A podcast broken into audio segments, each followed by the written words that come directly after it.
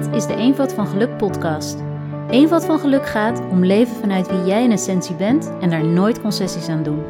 Ik ben Barbara Steenvoorde en ik help en inspireer je jouw hart en ziel te volgen op alle vlakken van het leven. Ook in de moeilijkere momenten.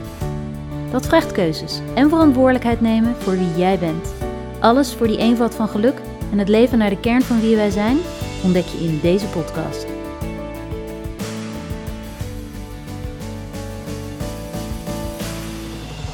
Aflevering die je nu beluistert gaat over eenvoud van geluk voor en met onze kinderen. Nieuwe generaties laten op allerlei manieren zien dat zij hun waarheid willen leven en andere keuzes maken dan wij tot nu toe gewend waren. Een prachtige uitnodiging voor ons als volwassenen om bedding en ruimte te scheppen voor de kinderen van deze nieuwe tijd. Dat vraagt om opvoeden en begeleiden vanuit de essentie van wie jij bent en over het koesteren en behouden van de essentie van een kind. Hoe je dat doet, dat deel ik hier. Luister maar.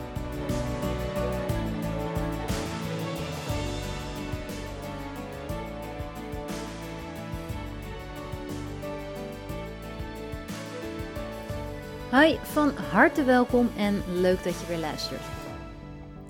Sinterklaas is weer in het land, heb ik begrepen. En ja, ik ben met de leeftijd van mijn kinderen op dit moment niet meer zo heel erg betrokken bij Sinterklaas. Anders dan dat uh, mijn jongste zoon in elk geval uh, stevig aanstuurt tot een pot uh, pepernoten per week. Maar anders dan dat krijg ik er niet zo gek veel meer van mee. maar op toen ik deze podcast ooit begon, en dat was begin dit jaar, was dit wel een van de afleveringen die ik toen al van plan was op te nemen. Dus ik heb uh, een lijstje klaar liggen van allerlei onderwerpen om uh, over te spreken. En deze stond er al vanaf het allereerste moment op. En dan zie je maar, dan is het alweer uh, bijna december en dan heb ik hem nog niet opgenomen. Um, waarschijnlijk moest ik ook een beetje in de sfeer komen. En nou ja, één pot pepernoten verder. Ik heb er zelf weinig van gegeten, maar um, zit ik wel wat meer in de Sinterklaasstemming. En besefte ik, ja, ik wilde deze week wel echt eventjes uh, deze aflevering opnemen. Want in alle jaren dat ik met kinderen werk, en uh, natuurlijk in, zeker ook op basis van de jaren die ik zelf met mijn uh, kinderen heb gehad in de Sinterklaasperiode, is dit voor heel veel mensen toch wel echt een hele intense tijd. Waarin kinderen enorm emotioneel zijn door alle indrukken. En ouders mij dus ook door de jaren heen zeer geregeld vragen: hoe moet ik daar nou mee omgaan? Moet ik het nou wel of niet vertellen, dat geheim van Sinterklaas? En daar ga ik in deze aflevering antwoord op geven. Uh, dus bij deze een waarschuwing. Uh, zorg dat je deze aflevering uh, alleen zit te luisteren met oortjes in, zodat niet eventuele kwetsbare oortjes dit ook kunnen horen. Maar voordat ik antwoord geef op die vraag wel of niet vertellen, uh, denk ik dat het sowieso goed is om een aantal perspectieven mee te nemen waar, nou ja, die ik ten aanzien van de hele Sinterklaas, het Sinterklaasfenomeen wel een uh, belangrijke vind om mee te nemen en om eens bij stil te staan. En dat begint eigenlijk bij vorige week. Ik had vorige week, uh, de laatste twee dagen van de week, het verdiepingsprogramma, de afronding daarvan. Uh, verdiepingsprogramma bestaat uit drie keer een tweedaagse en dit was de laatste van de reeks. En hele mooie, uh, intense afsluiting. Ongelooflijk veel gebeurt. Als ik uh, zo afscheid neem van zo'n groep, dan zie ik gewoon wat voor een enorme transformatie er in een half jaar heeft plaatsgevonden. En nou ja, dat, die mening deelde iedereen met mij. Maar los van het verdiepingsprogramma, dus even een uitklapverhaal. maar even weer terugklappend dan zitten we daar twee dagen in het klooster en uh, doen we ook geregeld wat maaltijden met elkaar. En tijdens een van die maaltijden zei uh, een van de vrouwen van goh, ja, ik heb toch wel echt erg moeite met het hele Sinterklaasverhaal. Vooral om mijn kinderen een hoop onzin op hun mouw te spelden. En mijn eerste, en ik ben heel eerlijk, geconditioneerde reactie in mijn hoofd was: ja, maar het is toch gewoon leuk. Maar toen ging zij verder en toen dacht ik: goh dat is best wel een perspectief waar ik nog nooit over gedacht heb. Want zij zei: Kijk, ik heb er moeite mee om mijn, mijn kinderen iets te vertellen wat niet waar is. Nou, dat, dat herken ik. Daar kom ik straks nog eventjes op terug. Over. Ik heb namelijk echt. Ik lieg niet. En al helemaal niet tegen mijn kinderen. Dus ik heb daar inderdaad ook wel even moeite mee gehad. Maar kon het voor mezelf verantwoorden. Maar zij zei: Ja, ik heb daar echt moeite mee. Om een onzinverhaal uh, op te hangen. En ze in de maling te nemen. En ze zegt: Wat ik nog het lastigste eraan vind, is dat ik eigenlijk geen keuze heb.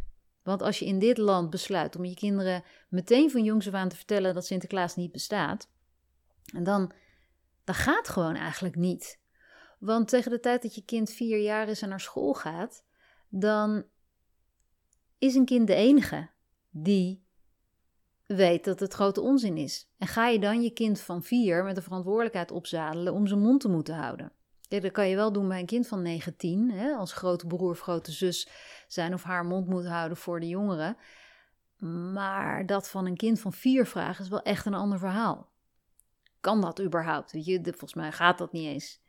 Maar stel dat die vierjarige dat wel in staat is te doen, dan zeg je eigenlijk, dan zadel je een kind wel op met een groot geheim. En wat hij dan misschien met de juf kan delen. Maar het is wel heel ongemakkelijk voor een kind van vier om een geheim te moeten hebben in een klas vol andere vier, vijfjarigen. En als je dat zou doen, dan besef dan ook uh, de eenzaamheid van zo'n kind. Dat kan je eigenlijk een kind van vier, vijf jaar gewoon niet aandoen. Want het is een grote verantwoordelijkheid en een grote eenzaamheid om daarmee te lopen. En dan kan je denken, nou, dat overleeft mijn kind wel. Ja, tuurlijk. Uh, maar vergeten zal hij het niet. En dat gaat zeker wel zo zijn effect hebben. Want het is too much voor deze leeftijd om dat te moeten dragen. En daarin de enige ook te moeten zijn. En ik vond het best wel een perspectief waar ik eigenlijk nog nooit over nagedacht had. Dat je dus eigenlijk echt geen keus hebt. Je moet wel mee in die stroom. Dus daardoor stond ik er toch inderdaad gewoon ook na afloop nog meer bij stil. En toen besefte ik ineens ook van dit weekend pas tijdens een wandeling van holy Moses. Dat geïndoctrineerd worden met een programma, ehm, met een soort, uh, met, met een boodschap van, oh, de, de heilige Sint met zijn knapen en, en, en uh, het verhaal van goedheid en gulheid en, en goed en kwaad. Het zit zo in alles in onze maatschappij op dit moment. Hè? In elke winkel waar je komt, op elke school, uh, op televisie, uh, in de televisieprogramma's. Um, Sinterklaas is everywhere. Dus als kind kan je je er niet aan onttrekken en uh, word je er zo overtuigend in meegenomen dat je volledig geïndoctrineerd bent met het Sinterklaasverhaal. En de moeder in mij zegt dan: nou, heerlijk toch? Het is zo'n ongelooflijk leuk feest en wat gaaf dat we dat met z'n allen zo in, sta in stand te houden. Maar dit weekend besefte ik ook, holy Moses, het begint dus daar al. Al van jongs af aan. En dit is natuurlijk niet het enige verhaal waar wij mee zijn zoet gehouden. En ik denk wel dat dit het enige verhaal is waarvan wij als volwassenen op een gegeven moment ontdekken: oh, het is eigenlijk helemaal niet waar. Of als kind al uh, de boodschap krijgen: het is eigenlijk onzin.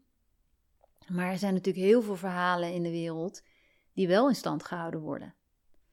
Um, en dan begin ik maar eventjes met een onschuldig verhaal als melk is goed voor je of zo. Of de, of de schijf van vijf hè, van het voedingscentrum. Het is gewoon je reinste onzin. Nou ja, en dan heb ik het nog niet eens over de beladene onderwerpen van stikstof en, en, en corona en, en nou ja, ga zo maar door. Dus het zette mij wel, die opmerking van de deelnemer aan de eh, verdieping, dat zette me wel aan denken dat ik dacht, ja, de overtuigingskracht en hoe het in alle systemen en instituten van deze wereld Sinterklaas is doorgedrongen, zo geldt dat ook voor heel veel andere boodschappen waar we, waar we kritischer naar mogen kijken. En, en dat je beseft dat de kracht van het Sinterklaasprogramma ook een goede is om te gaan herkennen op, uh, op andere onderwerpen. Nou ja, het zet mij nou van denken. Uh, en ja, het is een wat beladener deel van deze uh, podcastaflevering, maar ik vind het toch een, een belangrijke om te noemen van wauw, weet je, we worden al vrij jong overtuigd van bepaalde dingen en uh, ja, laten we gewoon onderzoeken. En als ik het dan heb over onderzoeken, dat is eigenlijk ook wat ik een, een flink aantal jaar geleden deed toen de hele Pieten-discussie opkwam. Mijn eerste reactie, in alle eerlijkheid, durf ik met jullie te delen, was: Jeetje, wat jammer, gaan ze dat nou ook al afnemen? Weet je zo. Maar als ik verdeeldheid zie, als ik zie dat er sowieso, als er mensen zijn die zeggen: voor mij is dit heel erg kwetsend, dan is het voor mij eigenlijk altijd een reden om te gaan onderzoeken van wat is dan jouw verhaal en waarom zeg je dit? En nou ja, ondanks mijn jammer, want het is zo'n leuk verhaal en, en, god, wat, wat kan er nou mis zijn met uh, Zwarte Piet? Ontdekte ik gewoon een zuiver feit, namelijk dat zo'n anderhalve eeuw geleden wij slaven gebruikten in toneelstukjes en waarin ze in die toneelstukjes vaak de clown of de nar of de domme uh, figuur speelden. Uh, slaven die gewoon zonder dat ze dat wilden ingezet werden in een toneelstukje om blanke westerlingen te vermaken. En ja, als je dat ontdekt, ja, dan kan je bijna niet anders dan concluderen: oké, weet je, mensen hebben wel serieus een punt. Er is wel degelijk een link tussen de Zwarte Piet van Sinterklaas en slavernij en dat soort toneelstukjes. Dus ja, ik vind het ook jammer dat dat mooie sprookje, dat leuke verhaal, eigenlijk gewoon veel beladener is dan we uh, ons hebben gerealiseerd. Maar weet je, ik denk dat het weinig moeite is om ons een beetje los te weken van uh, de conditioneringen waarmee we zijn opgegroeid. Dat we onszelf daarin gewoon ook een beetje ja, de ruimte geven om te zeggen: Oké, dat geloofde ik toen, maar nu weet ik beter. En denk ik dat het heel belangrijk is om ook rekening te houden met dat het kwetsend is voor sommige mensen. En dat we daarin daar gewoon andere oplossingen voor bedenken. En dat is weer het mooie aan kinderen. Je kan dat verhaal zo weer veranderen. En uh, twee jaar later is, uh, ik geen kind meer iets anders dan um, hoe het nu is. Iets anders is ook dat ik het van dichtbij gezien heb. Uh, mijn zoon had toen hij klein was een, een vriendje. En um, dat jongetje is geadopteerd uit Malawi.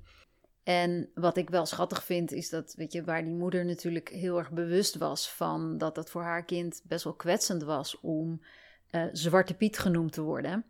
Uh, want dat gebeurde in die tijd. En dat was voor dat jongetje echt heel verdrietig. Tegelijk zag ik ook dat kinderen die dat deden, die dat riepen, dat eigenlijk in pure onschuld deden. Dus je kon het eigenlijk die klasgenootjes niet echt kwalijk nemen, want die waren zich helemaal niet bewust van het feit. Sterker nog, ik zag gewoon dat ze het vaak als compliment bedoelde. Ik heb zelfs een jongetje horen zeggen: Jeetje, wat cool. Jij bent het al helemaal meteen. Weet je, jij hoeft helemaal niks te doen. Jij hoeft niet die gore schmink op die ik wel op moet. Maar voor het jongetje zelf was het natuurlijk gewoon wel heel pijnlijk om voortdurend Zwarte Piet genoemd te worden. En dus dan gebeurt het misschien wel in onschuld, maar het is wel degelijk gewoon kwetsend geweest voor dat jongetje, waardoor ik ook al, ja, ondanks dat klasgenootjes kinderen het niet, zelf niet slecht bedoelen, er wel gewoon serieus iets gebeurt met een kind. Um, wat zich in die uh, tijd gewoon ongelooflijk um, um, kwetsbaar voelde. En een soort schietschijf voelde. Want ja, weet je, eigenlijk besef ik steeds meer dat hoe langzaamaan mijn ogen nou op zoveel vlakken geopend zijn dingen die ik echt van jongs af aan normaal vond, ik gaandeweg steeds meer bewust ben geworden en ook vind dat ik, nou, dat die onderwerpen de moeite waard zijn om te onderzoeken. Ik ben niet zo van voor of tegen, maar ik vind wel dat we rekening met elkaar mogen houden en met of het voor iedereen wel een feestje is. En uh, ik denk dat we dat feestje in stand kunnen houden, ondanks Ehm, de beladenheid uit het verleden, dat we er nog steeds iets moois van kunnen maken. Dus, nou ja, misschien inderdaad wat beladener perspectieven, drie beladener perspectieven van de dwang. Want je kan er niet onderuit uh, tot de Pieten-discussie, tot uh, het jongetje wat Zwarte Piet genoemd wordt. Maar dat was eigenlijk pas later ontstaan. De reden waarom ik deze podcast echt wilde opnemen is overigens niet minder belangrijk, hè, die uh, voorgenoemde drie perspectieven. Uh, maar die zijn dus pas later ontstaan. Uh, waarom ik hem al die tijd heb willen opnemen, is omdat ik weet uit alle jaren dat ik jonge kinderen om me heen heb, in mijn werk of privé, dat ik zie dat ongelooflijk veel kinderen compleet overweldigd en over hun toeren zijn in de Sinterklaas-kerstperiode. Dus eigenlijk zo'n beetje half eind november begint het hele verhaal. En uh, hangen klassen vol met versieringen en, en extra cadeaus aan de, aan, aan de plafonds en hele haarden worden aange, aangelegd in klaslokalen. veel meer knutsels, alles hangt vol. Dus enorm veel indrukken. kinderen voelen elkaars emotie. Dus alle hyper de pieper die in die lijfjes ehm, afspeelt, die voelen ze van elkaar. Kinderen worden enorm volgegooid met slechter eten dan ze misschien normaal krijgen. Er zijn ook heel veel dingen te doen, hè? van Sint Maarten tot, tot Sinterklaas, schoenzetten, uh, schoenzetten op school, uh, Sinterklaas uh, ophalen in de, in de haven. Nou, constant allerlei activiteiten, kerstdiners enzovoort. Dus er is heel veel in die periode wat zich afspeelt. En ze hebben dan ook nog hun eigen ervaring, hun persoonlijke ervaring. Van um, hoe zij hele Sinterklaas en het bieden uh, drukte en gezelligheid, hoe ze dat ervaren. En zoals ik ook in Eenvoud van Geluk met opvoeden deel, en dat is een hele belangrijke pijler, ik zie dat kinderen vandaag de dag veel gevoeliger zijn dan 20 jaar geleden. En eigenlijk kunnen we het al niet eens meer nieuwe tijdskinderen noemen. Toevallig ging dat een tijdje geleden door mijn hoofd. Dat ik dacht, ja, zijn het nog wel nieuwe tijdskinderen? Volgens mij is het alleen maar deze tijdkinderen.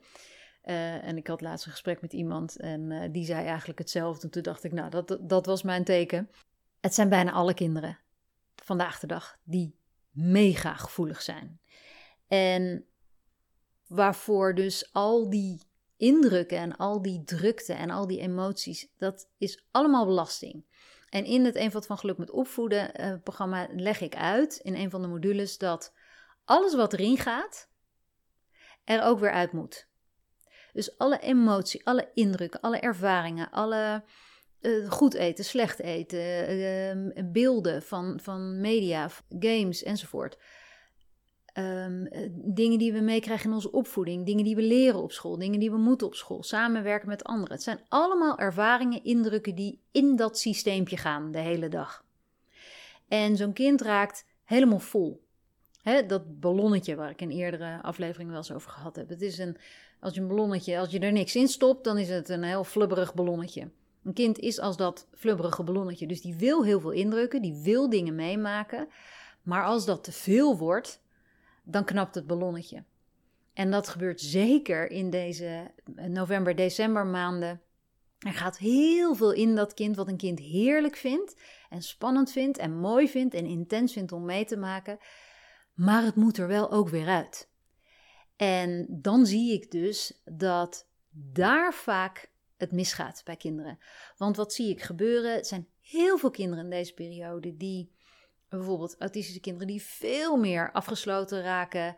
Um, kinderen met ADD, ADHD veel extremer gedrag vertonen. Kinderen over het algemeen veel meer driftbuien hebben, veel emotioneler zijn, veel angstiger zijn. Angststoornissen die enorm uh, oplaaien, tics die oplaaien. Dus wat je ziet is dat welk kind we het dan ook over hebben, die kinderen gewoon behoorlijk veel indrukken uh, meekrijgen.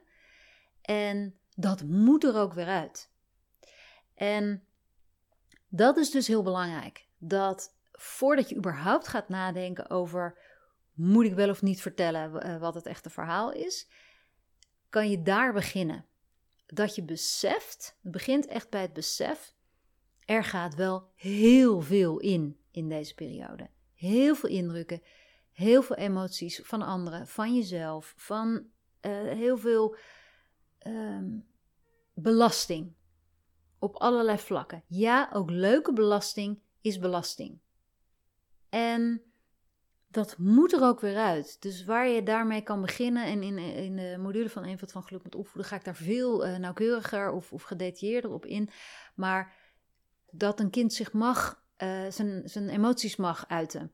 Uh, expressie maar ook uh, creatieve expressie, uh, maar ook fysieke expressie, dat een kind kan bewegen. En nou, dat is dan ook nog eens een keer de periode dat iedereen binnen zit, want het regent voortdurend, het is donker, we zijn eerder binnen, ze zijn niet meer op straat de hele dag. Zorg dat je kind genoeg beweegt. Zorg dat je je een, een, een of andere uh, gekke baan in je huis aanlegt, waardoor hè, op regenachtige dagen, waardoor je kind alsnog binnen fysiek bezig is. Ga dansen door de kamer. Uh, ga naar een, een, een indoor speeltuin. Zorg dat je kind beweegt. Want dat is een hele belangrijke manier om te zorgen dat al die belasting er ook weer uitgaat. Nou, niets anders is dat het dan in alle eerlijkheid niet helpt om na een hele drukke dag dat ze Sinterklaas hebben opgehaald, dat je dan vervolgens je kind achter een game zet. Want het lijkt alsof je kind dan tot rust komt, maar eigenlijk gaan er nog meer indrukken in.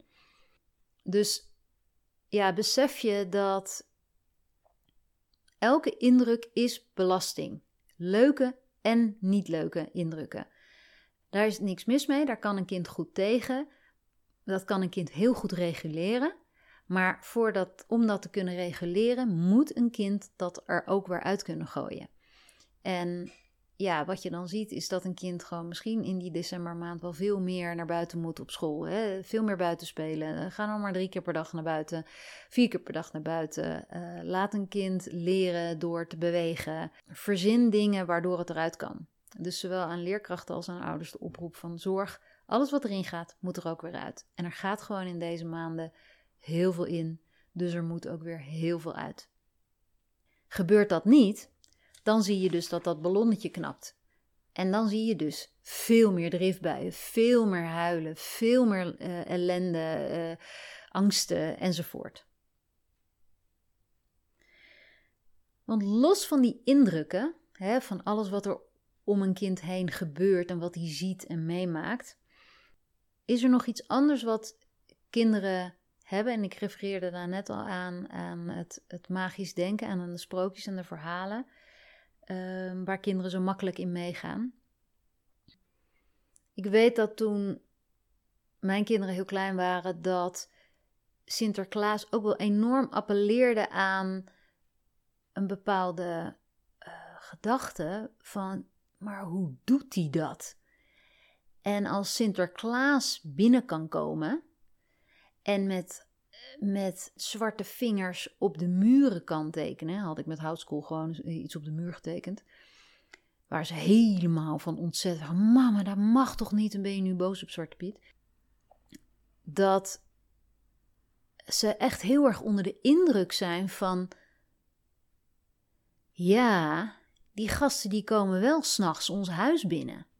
Dat kinderen gewoon beseffen hoe ongrijpbaar het is. Dat ze gewoon geen enkele grip hebben of er iemand in hun huis komt of niet. En ja, als, als de Pieten in, in Sinterklaas het kunnen, ja, dan kunnen, kunnen misschien wel meer mensen het. Dus het, het raakt ook wel aan een bepaalde angst van, ben ik wel veilig? Nou ja, dat is natuurlijk nogal wat voor een kind, om zich niet veilig te voelen. En uh, dit is echt iets is ook weer zo'n voorbeeld van wat, wat kinderen vandaag de dag gewoon veel intenser ervaren dan 20 jaar geleden. En ik merk nog steeds dat dat gewoon best wel eens onderschat wordt. Ook weer vanuit de gedachte, joh, iedereen heeft dit Sinterklaasverhaal meegemaakt. Wij hadden hier vroeger toch ook geen last van. Ja, en dan zeg ik van ja, nou voor een deel hebben we dat misschien niet durven toegeven. Hè? Was die ruimte er misschien ook niet voor ons als kinderen om dat te delen. Om echt te zeggen dat we daar moeite mee hadden. Maar ik zie gewoon oprecht dat veel kinderen vandaag de dag daar heel veel moeite mee hebben. En ik denk gewoon wat dat betreft dat dat echt te maken heeft met deze nieuwe generatie kinderen die daar gewoon gevoeliger voor zijn. Hoe dan ook, het levert gewoon best wel wat spanning en angst op. En een gevoel van dreiging van, van, waar, uh, van waar komt het? Hè, het zijn dan misschien wel cadeautjes, het is misschien wel leuk, maar hmm, Ehm, het voelt ook kwetsbaar. Iets anders wat kinderen gewoon tegenwoordig echt niet leuk vinden, vaak, ik, ik vermoed zelfs een derde van de klas, is dat Rommelpiet op bezoek komt. Rommelpiet die dan s'nachts, uh, de rommelpieten, die dan s'nachts met z'n allen de boel uh, op stel te zetten en uh, alle tafels omver gooien en potloden door elkaar en rare dingen op het, op het bord schrijven en één grote puinhoop van de school maken. En ehm, ik moet eerlijk zeggen dat ik in de jaren dat mijn kinderen op school, op de basisschool zaten, ik echt onder de indruk was van hoe leerkrachten bereid waren om er echt een puinhoop van te maken. Dat ik echt zou denken: oh, ik weet niet of ik dit als leerkracht heel lollig zou vinden. Maar dus eh, een en al hulde voor de leerkrachten die dat gewoon helemaal, die zich daar helemaal in los laten gaan. Maar voor heel veel kinderen is dit eigenlijk helemaal niet leuk. Want heel veel kinderen worden daar extra onrustig van en vinden het helemaal niet fijn dat er aan hun spulletjes gezeten is. En ook dit is, dit, dit riekt natuurlijk weer uh, best wel naar inbraak en ja, dat is gewoon niet fijn dat er uh, in school uh, zoveel rotzooi is gemaakt. En een kind weet gewoon niet altijd hoe die daarmee om moet gaan. Als je weet van je kind dat jouw kind hier ook niet van houdt, raad ik je gewoon ook aan om met de leerkracht af te stemmen. Van goh, wanneer komt die rommelpiet? Want dat is dan de dag dat ik mijn kind even thuis hou. Je kunt ook je kind wel naar school laten gaan, maar dan is het ook raadzaam om je kind voor te bereiden. Dus dat je zegt, goh, het zou maar zo kunnen zijn natuurlijk. Uh, Sinterklaas en de Pieten zijn er weer. Het kan natuurlijk zijn dat binnenkort weer die rommelpieten komen. Hè? Dus dan weet je dat alvast. Misschien zijn ze er zelfs vannacht al geweest. Weet je, dan kan je uh, je kind een beetje voorbereiden. En goh, wat, wat denk je dan dat ze gaan doen? En uh, hoe vind je dat? En wat zou jij dan willen doen? Want heel veel kinderen slaan er enorm van dicht, van al die puinhoop.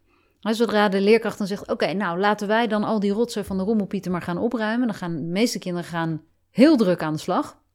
Gaan dan nooit zo fanatiek met opruimen.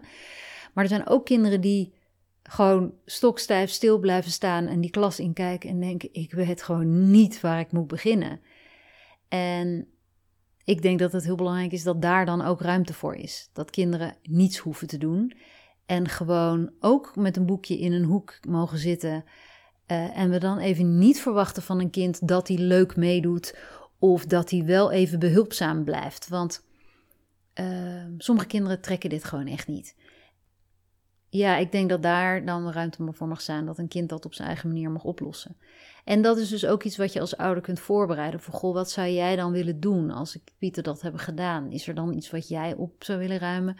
Wil jij de potloden dan opruimen? Of wil jij het bord schoonmaken? Of zou je de bureaus weer op zijn plek willen zetten? Wat, dus dat je een kind dan een beetje laat nadenken over, oh ja, wat ga ik dan doen? En dat jij dat dan ook een beetje kunt, uh, um, nou ja, kunt sturen van uh, vooraf.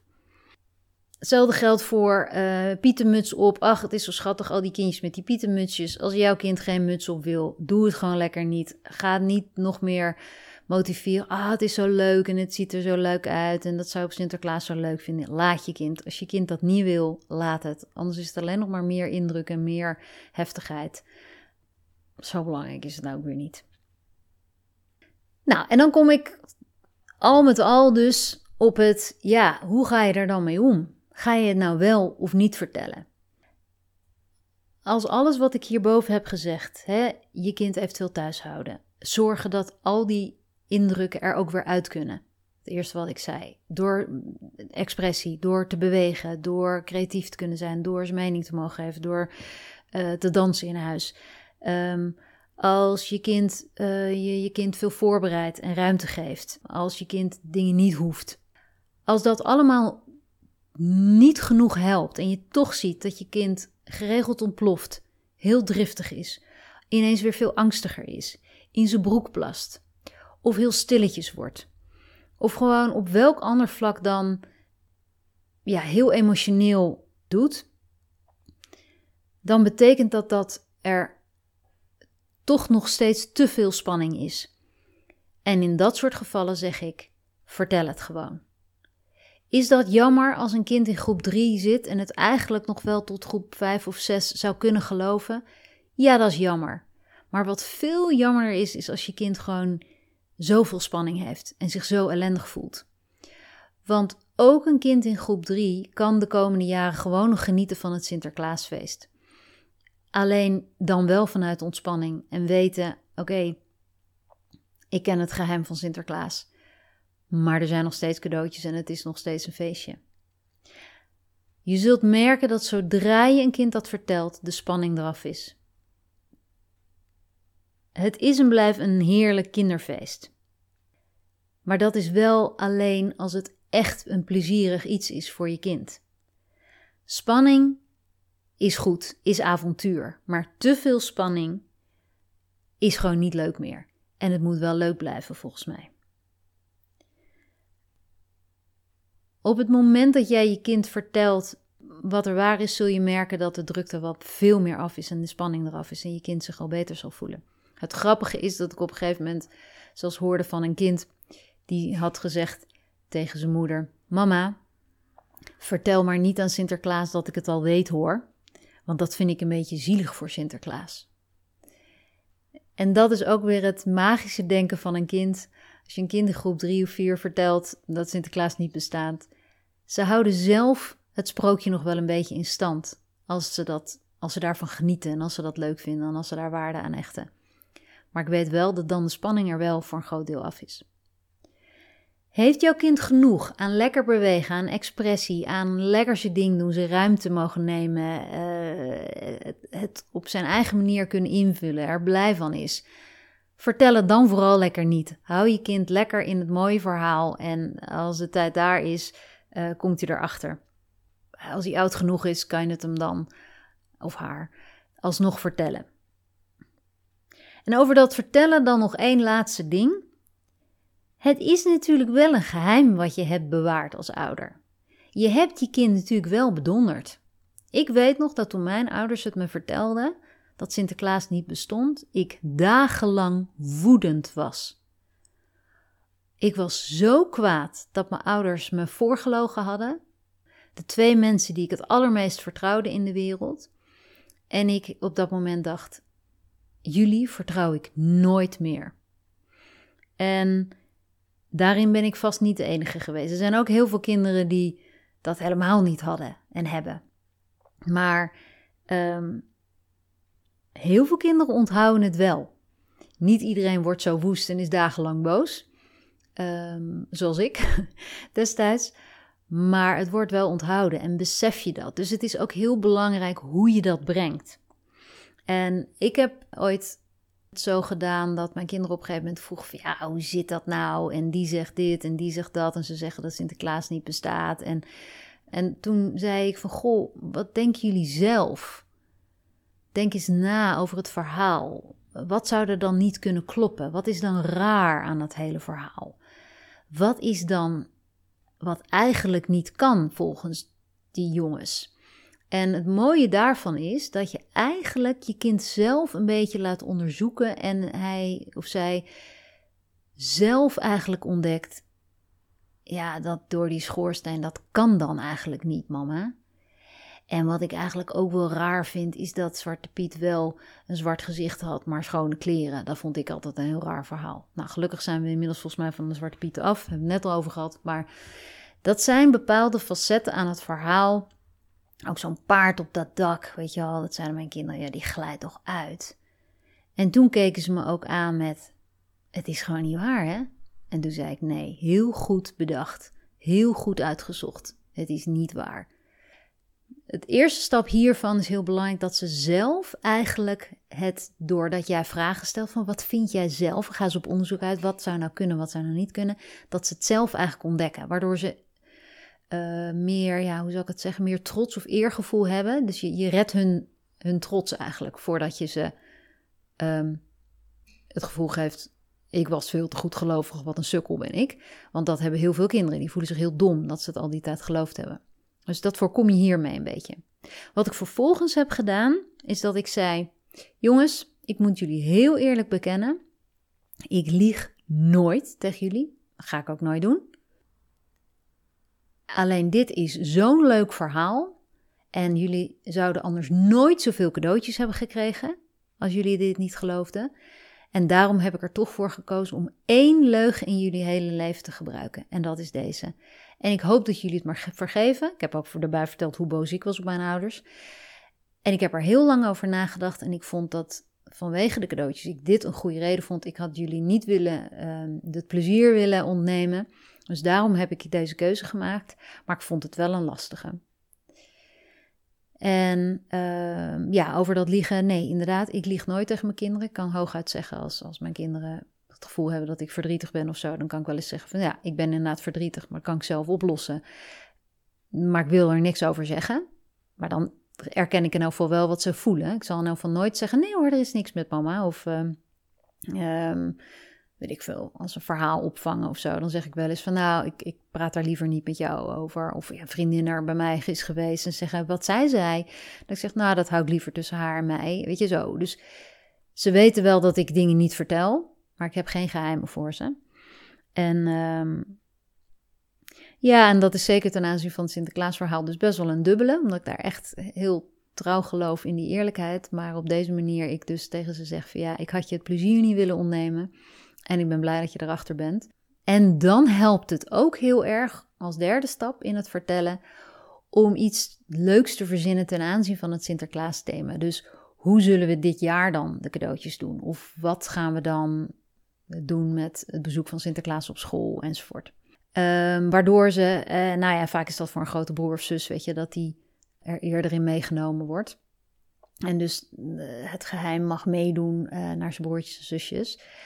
Uh, dan heeft een kind eigenlijk meteen alweer iets leuks om naar uit te kijken ten aanzien van ditzelfde thema. Nou, in mijn geval waren de jongens tegelijk, omdat ik de oudste was hoog tijd dat hij het wist. En de jongste trok het echt niet meer. Uh, die was echt november, december niet te genieten. Helemaal overstuur. Dus het was een good call om, de, om deze twee jongens tegelijk te vertellen. Um, nou ja, is dat in jouw gezin ook zo?